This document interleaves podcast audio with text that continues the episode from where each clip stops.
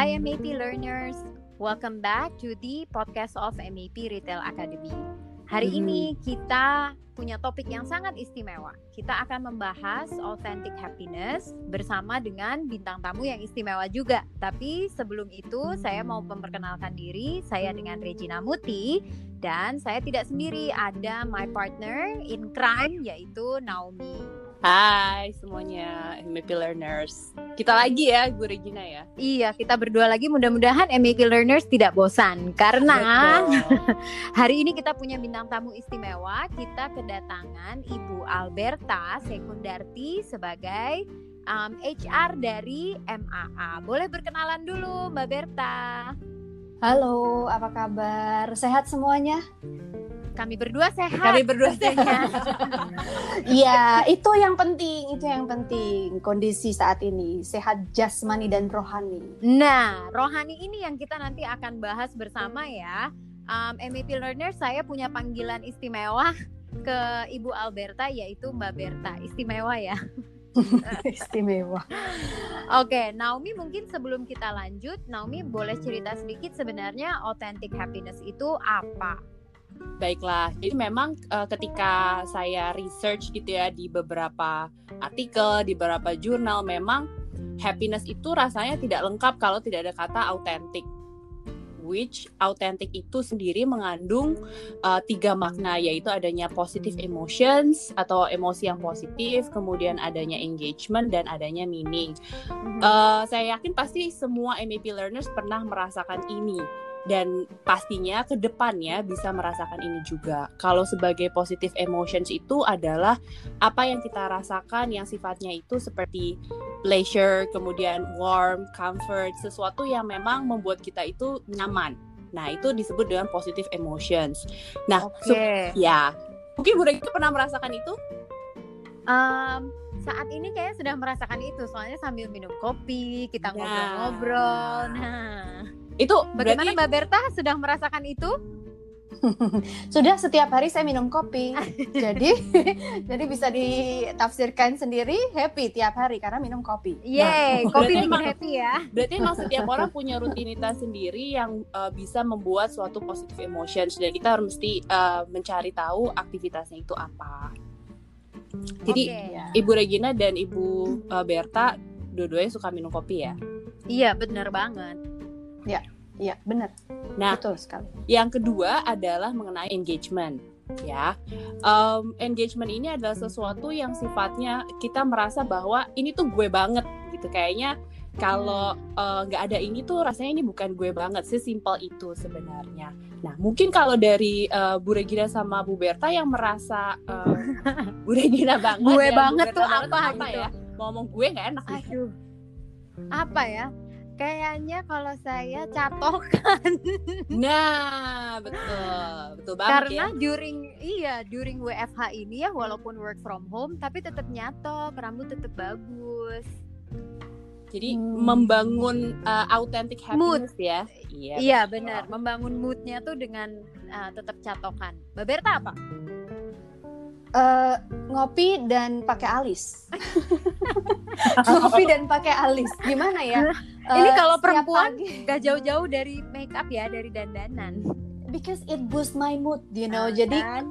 Kopi dan alis itu merupakan paduan yang eh, di mana kita bisa mengartikan bahwa kita ready untuk bekerja, ready to create something. Nanti Yes. ada sesuatu yang eh, nanti bisa saya share juga di sini. Yeay. Oke, Yeay. yang terakhir apa Naomi? Third Nah, yang terakhir itu adalah meaning di mana ketika kita melakukan itu rasanya itu kita berdaya banget. Rasanya kayak uh, banyak banget alasan dan banyak banget uh, tujuan yang kita rasanya ada di dalam apa yang kita lakukan tersebut. Misalnya ketika kita berdonasi terhadap misalnya untuk uh, APD atau untuk uh, teman-teman ojol, nah itu membangun yang namanya meaning gitu. Nah, Hmm, oke. Mm-mm. Kalau dari Bu Regina sama Bu Berta sebelum kita masuk ke question answer, kira-kira activity yang membangun meaning itu uh, yang sering dilakukan apa? Waduh, for me karena kondisi kayak sekarang ya, jadi kalau kita ada Zoom session sama participants dari MAP itu adalah uh, rasanya seperti I have meaning gitu, I have purpose in my life gitu. Hmm. Nah, Ketemu itu sama tuh. orang Mm-mm. itu membahagiakan sih. Bagaimana dengan Bu Berta? Eh, in this current condition beda ya karena beda situasi, beda kondisi. Tapi saat ini eh, banyak sekali yang kegiatan yang saya lakukan itu terkait dengan how to manage or balance uh, my work and my family at the same time karena saya tetap bekerja dan saya harus tetap uh, menjadi diri saya sendiri bahwa saya senang bekerja. Uh-uh. But my kids yang udah sekolah semuanya dalam tataran mereka juga perlu Zoom meeting, Zoom session dengan sekolahnya Bener saya banget mencoba itu. saya mencoba untuk me- apa ya menetralisir uh, rasa uh, apa namanya rasa khawatir dengan mengatur waktu. Mengatur waktu itu penting banget. Misalnya saya bangun tetap seperti biasa karena saya merasa ini nggak ada bedanya. Jam 6 Hmm. sudah ready udah pakai alis udah makan udah sarapan.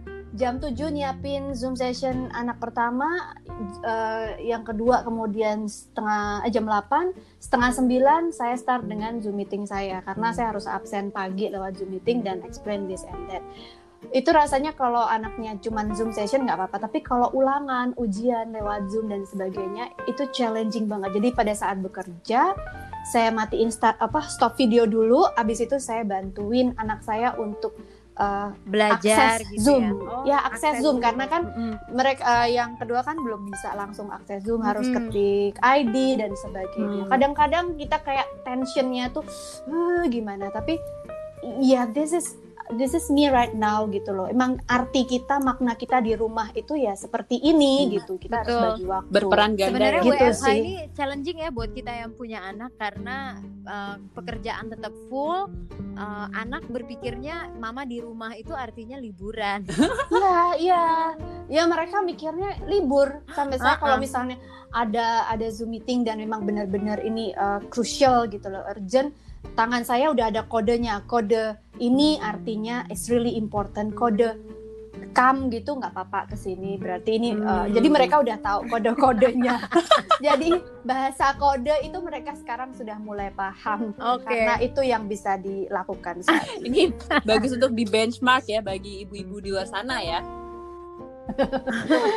Iya. Pakai bahasa iya. kode ya.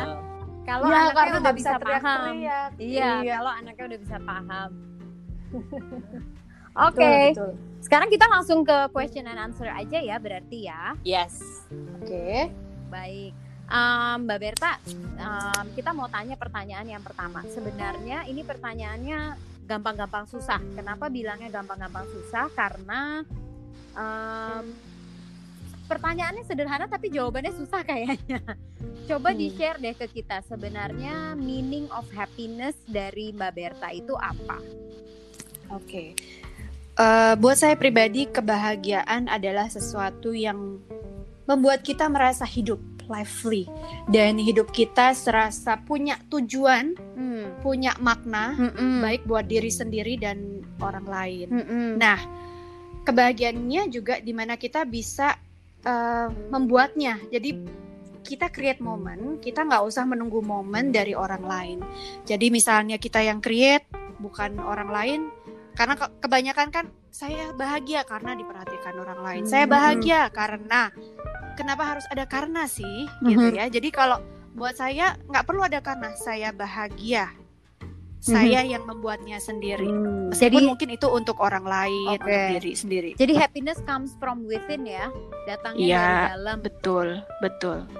Oke, Em, ini benar banget ya. Jadi kita jangan sampai mau berbahagia itu tergantung dari orang lain. Kalau ada ini, kalau ada itu, baru kita happy. Tapi sebenarnya kita bisa happy dari diri sendiri, gitu ya Mbak Berta ya. Ya, karena kalau dari orang lain, ingat-ingat nih, nanti dirasain sendiri deh. Kalau dari orang lain temporary. Jadi misalnya Hmm. saya dibahagiakan oleh orang lain, pacar, suami, siapa pun yang ada di sekitar kita, itu Mm-mm. temporary. Pada saat dia memberikan. Tapi pada saat tidak diberikan, apakah kita tidak bahagia? Nah, kalau tidak bahagia karena tidak diberikan orang lain dan menunggu, akhirnya menunggu dan menunggu, uh, kemudian ada rasa kosong, hampa karena tidak mendapatkannya, menyalahkan orang lain. Akhirnya kalau udah menyalahkan orang lain jadi circle, circle jadi kapan lagi aku mendapatkannya, waiting and waiting, akhirnya nggak bahagia sendiri Hmm, kan? Iya betul. Jadi it's a temporary gitu. Iya, jadi pokoknya jangan pernah menggantungkan kebahagiaan kita sama orang Ya. lain ya. Ya, Oke, Em, Naomi mungkin pertanyaan berikutnya. MEP Learners tuh juga pengen tahu nih dari Bu Berta yang juga seseorang yang uh, punya pengalaman di HR, kemudian seorang psikolog juga. Sebenarnya uh, authentic happiness itu sebesar apa sih efeknya ke kehidupan kita, terutama dalam uh, situasi seperti ini? sangat besar sekali. Karena apa? Karena dalam situasi seperti ini, uh, semua orang merasa long distance. Meskipun pada saat sekarang itu ada kita cuman uh, kita ada di dalam rumah, kita tidak berkomunikasi secara uh, sentuhan gitu. Sementara manusia adalah makhluk sosial yang butuh untuk bersosialisasi. Begitu kita tidak bisa bersosialisasi, ada satu satu rasa yang hampa yang membuat seorang individu itu merasa satu tidak punya teman, dua tidak ada kegiatan, lalu yang ketiga akhirnya aduh hidupku tuh buat apa ya? Kalau sudah punya keluarga masih mending ya, jadi di dalam keluarga, dalam rumah masih ada. Tapi kalau ngekos misalnya, Mhm. kalau misalnya dia living di apartemen dan kebetulan memang eh, apa namanya single. Nah, jadi ada hal-hal yang kita perlu mengisi dari diri kita sendiri yang tidak bisa berharap dari orang lain di situasi seperti ini. Jadi kalau kita ngandalin orang lain yang ngasih, ya kita harus kasih stimulus dulu. Jadi kita yang kayak misalnya saya sempat ditelepon sama orang yang lama banget nggak pernah telepon saya. Alasannya apa?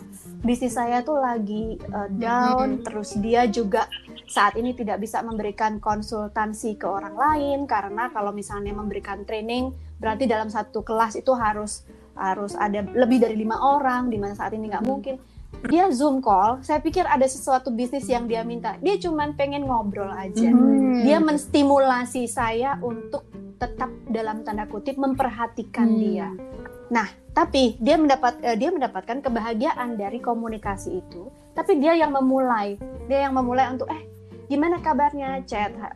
Asalkan nggak annoying ya nggak annoying tapi paling nggak paling nggak eh, apa namanya at any time you convenience kita zoom call yuk eh, zoom zooman lah gitu jadi oh ya ya oke oke fine then I know that he need that gitu oh finally tahu kalau he ya. Iya. Baru mau bilang, eh ternyata iya. Iya ya bapak-bapak yang sudah oh, sudah berkeluarga sudah punya anak berusia mahasiswa kok ya Oh. karena kita sama-sama Langsung Partner dalam Iya baik bisnis. baik baik. ya Langsung menimbulkan spekulasi ya. Oke.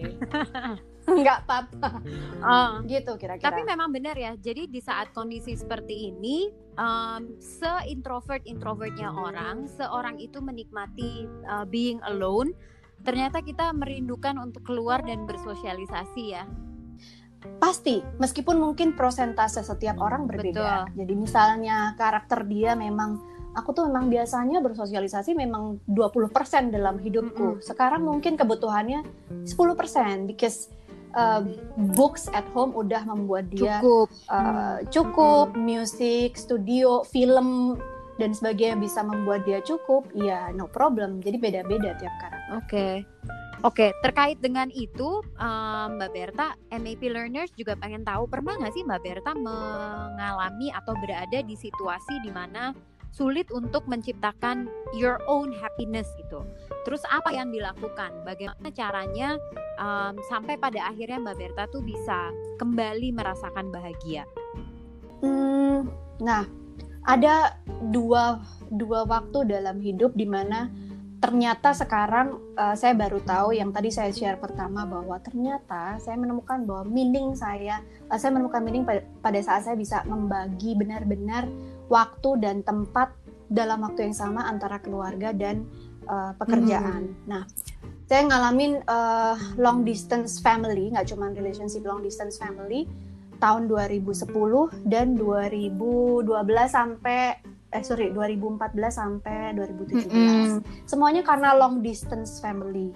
uh, 2010 saya harus ninggalin anak saya yang pertama setahun uh, baru umur setahun uh, untuk saya uh, belajar di Belanda enam Mhm. bulan. Dari pertama saya ninggalin anak belum bisa ngomong saya pulang dia udah bisa ngomong gitu ya. Karena saat itu cuman Skype kita ngandalinnya. Uh, jadi kita bisa bahkan nyanyi balonku ada lima lewat Skype sehingga teman-teman saya di di Belanda tuh bisa sampai apal. Orang luar negeri bisa apal balonku ada lima. Terus apa dernya dernya di mana? Der gitu kan itu udah apal gitu nah tapi di sela-sela Skype itu tuh saya nangis dan kayak Rindu rasanya ya. kok hampa Hmm. ya Heeh, hampa tapi kalau saya nggak ambil kesempatan ini kapan lagi saya dapat beasiswa ini bisa menerima beasiswa karena saya udah menolak yang dua kali Banyak nah, ya mbak. saat itu rasanya itu Beasiswanya. Oke lanjut mbak. jadi eh, saat itu rasa hampa itu sampai membuat kalau misalnya saya menatap keluar ruangan kamar itu kosong. Eh, saya tuh harus ngapain? Bisa loh weekend itu saya nggak ngapa-ngapain. Cuman makan pagi makan siang nggak baca buku nggak apa. Hanya membayangkan anak saya lagi ngapain. Karena kadang-kadang karena perbedaan waktu saya nggak bisa bangunin anak saya. Karena Iya. masih setahun ya bangunin anak saya. Di di waktu di mana saya available dia nggak bisa. Di saya available dia tuker-tukeran lah pasti nggak bisa. Jadi sementara telepon juga kita terbatas waktu jadi eh, hampanya itu sampai akhirnya saya nemuin ya udahlah caranya skypean juga ya udah ini cukup. Begitu pulang baru itu rasanya ya Tuhan. Jadi kemarin itu saya nahan itu saya mencoba untuk mencari kebahagiaan akhirnya dengan apa? Jalan-jalan aja pokoknya. Saya nggak mau stres depresi di dalam kamar karena saya ngerasain minggu-minggu pertama tuh Aha. berat. Jauh dari siapa-siapa akhirnya saya pokoknya jalan-jalan aja sendiri jadi backpacker sendiri ke mana-mana. Hmm. mau naik ya untungnya naik keretanya gratis ya karena kita kan dianggap Mahasiswa uh, ya. belajar Student ya. gitu ya belajar. Jadi dikasih ya dianggap student. Jadi ya kita jalan-jalan ke mana gratis. Naik kereta nggak ada bayar apa pun pokoknya keliling aja. Oh gitu. Kadang-kadang cuma motret motret. Terus habis itu di delete motret delete gitu. Kok stres Hmm. banget ya. Tapi habis itu eh, saya lebih baik melakukan sesuatu daripada berdiam diri dan akhirnya Hmm, merenungi meneteskan air mata Berarti ini terlalu kayak lama. you Bu- keep yourself busy ya ceritanya. Iya, at that time karena itu yang hanya bisa saya Hmm, lakukan. oke. Gitu. Jadi dengan melakukan Ya. jalan-jalan itu tanpa sadar udah menimbulkan positive emotions ya Mbak Berta. Ya, eh, karena saya eh, mencoba untuk dalam tanda kutip secara temporary Mhm. melupakan sejenak bahwa saya meredam kerinduan. Ternyata kerinduan kepada anak yang umurnya masih satu tahun lucu-lucunya itu ternyata begitu begitu besar Iya. gitu loh. Hmm. Betul, tapi uh, ini berarti bisa menjadi salah satu method ya untuk kalau kita itu mau mau mm, apa namanya mencari happiness itu adalah dengan keep ourselves busy ya supaya nggak Mhm. kepikiran yang enggak enggak gitu supaya tidak kepikiran yang jelek-jelek gitu ya Mbak Berta ya. ya at least doing our Mhm. Iya, interest lah interest minat-minat kita saya suka motret saya suka Mhm. jalan-jalan at least uh, at least itu yang bisa membantu kita um, mem- apa ya namanya uh, coping Oke. with that kind of Waduh, emptiness emptiness. Iya, at that time pernah loh saya sempat mikir gitu ya ampun Hmm. hampa banget gitu.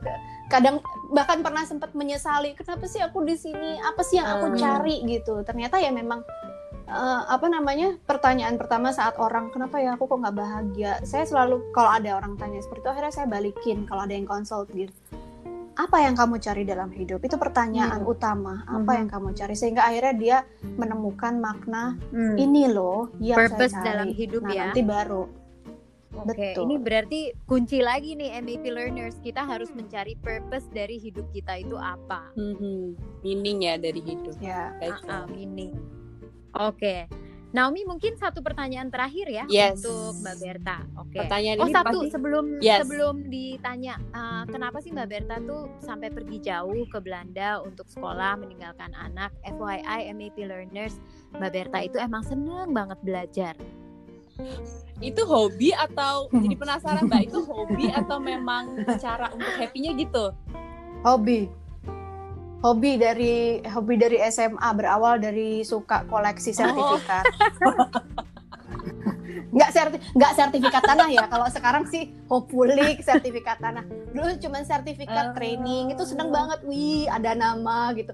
Jadi seolah-olah wih dikasih nama Alberta gitu. Terus nanti dikoleksi dari koleksi. Jadi kalau eh, kuliah kan udah sambil kerja Heeh. tuh siaran dapat gaji yang nggak seberapa buat ikut training Oh, apa tuh. terus dapat sertifikat Hmm. sertifikatnya namanya saya itu kayak juara satu apa padahal nggak juara satu cuma ikut training yang paling aktif gitu ya. ya gitulah Udah berapa sertifikat Mbak yang dikoleksi? Duh. Nggak tahu ya kalau dari kuliah karena yang saya koleksi yang sekarang akhirnya yang relevan dengan pekerjaan saya sekarang. Dulu tuh training ada yang zaman tahun 1999 ada training namanya e-commerce. 99 loh, udah Oh. ngomong e-commerce saya join. Hubungan hubungannya apa sama psikologi kan? ya, nggak ada hubungannya, tapi Yang penting aja sertifikat ya. e-commerce. Iya. Oke, Naomi silakan pertanyaan yang terakhir. Oke, terima kasih Bu Regina. Nah, ini pertanyaan yang sebenarnya paling ditunggu sama MEP learners. Di situasi seperti sekarang ini, Mbak Berta, eh, bagaimana caranya kita untuk selalu mengelola eh, happiness di dalam diri kita sendiri gitu. Karena kan pastinya ada ups and down, terutama kalau ada sesuatu yang mungkin eh, di luar dugaan atau tiba eh, berita mendadak yang mengubah eh, happiness kita gitu. Jadi memaintainnya supaya terus eh, ada happinessnya itu bagaimana? Oke, langsung aja nih tips, trik Ya, dan bagaimana Ya. ya. Eh, tips saya adalah seperti biasa, pasti ada singkatan-singkatan. Oh, iya. Ah, cup. pasti udah apal kalau sama saya pasti terakhirnya saya kasih singkatan biar ingat. Oke. Kalau kalau saya karena suka a cup of cup cafe jadi uh, Oke. CUP ini. C Oh, adalah oke. create the moment, create the moment, don't wait. Jadi create. Kalau orang aku menunggu momen untuk menyampaikan kerinduan atau aku menunggu momen eh, film yang aku ca apa aku cari ini tayang di sana. Cari aja gitu ya, tapi create the moment, don't wait. Dua adalah you utilize interesting thing in your life untuk dilakukan dalam Hmm, kegiatan hmm. sehari-hari, baik hobi, minat, passion gitu. Yang ketiga adalah positivity. Stay positif, bukan dalam artian positif COVID ya. Stay positif ya. untuk ya kalaupun misalnya nih saya sekarang saya sempat I've been there gitu loh meskipun kita nggak perlu menyampaikan positif negatif covid Mm-mm. tapi I've been there dalam dalam demam 14 hari dan sebagainya Sa- saya sempat di sana tapi yang membuat saya bisa eh, cepat untuk bangun dan kemudian bisa kembali ke keluarga. Karena saya di karantina ya kembali ke keluarga adalah saya stay positif bahwa virus itu hilang kalau kita imun. Sama sama dengan kesepian itu bisa hilang kalau kita meningkatkan kekebalan tubuh dengan never give up bahwa kita bahagia tuh bisa bisa gimana ya? Cari sendiri jangan menunggu Mhm. dari orang lain. Itu positivity. Jangan cuman positive thinking karena positive thinking itu is kind of uh, apa ya namanya berpura-pura Uh, karena mungkin yang terjadi seperti itu kita positive thinking. No this is positivity. Jadi stay positif untuk selalu beraktif uh, tetap aktif. Kalau positive thinking Mhm. pasif kan? Tapi ini lebih aktif. Jadi cup. Triknya gimana? Never give up on your happiness. Jangan menunggu orang lain memberikannya. And count the blessings. Hitung aja bahwa sekarang kita itu sudah lebih daripada orang lain dalam uh, arti tertentu mungkin jangan selalu membandingkan dengan yang di atas tapi bandingkan dengan Mhm. yang di bawah atau yang mungkin yang mengalami uh, lebih buruk dibandingkan Mhm. kita nggak perlu diekspos ke orang lain tapi kita sendiri yang bersyukur tiap pagi bersyukur Iya, tiap pagi bersyukur ya lupa kadang-kadang baik pagi-pagi itu kita langsung bangun mandi dadadada, tapi kita lupa bersyukur-syukur Tuhan udara ini bisa membuat aku Hmm, hidup Iya, at least itu. betul. Segala hal yang terkecil juga kita harus syukuri ya. Yes. Yes Oke, yes. baik. Terima kasih Mbak Berta atas sharingnya. MEP Learners, kita belajar banyak dari Ibu Alberta Sekundarti. Um, nama bekennya adalah Berta Sekunda. Jadi kalau teman-teman mau cari, mau browse Berta Sekunda ya, jangan Alberta Sekundarti. Nah, panggungnya ya. Betul nama panggung. Jadi kalau kita bisa summarize, kita ingat aja ke uh, pesan terakhir tips and trick dari Mbak Berta untuk kita bisa stay positif dan stay happy setiap hari um, dalam kondisi seperti sekarang yaitu CUP CUP ya cup cup muah muah. Um, creating the moment. Pokoknya Yeah, harus selalu yeah, ingat tidak usah menunggu orang lain, tidak usah menunggu momentumnya, tapi justru kita yang harus create momennya. Kemudian utilize things apa sih yang kita suka kita lakukan aja supaya kita bisa menciptakan kebahagiaan dalam hidup ya. Kemudian yang terakhir adalah um, stay positif, stay produktif karena dengan positif kita bisa menjadi produktif. So thank you so much MAP learners sudah menyimak podcast kita kali ini. Um, mudah-mudahan MAP learners juga bisa belajar banyak dari hasil sharingnya and see you in our next podcast. Bye. Bye bye.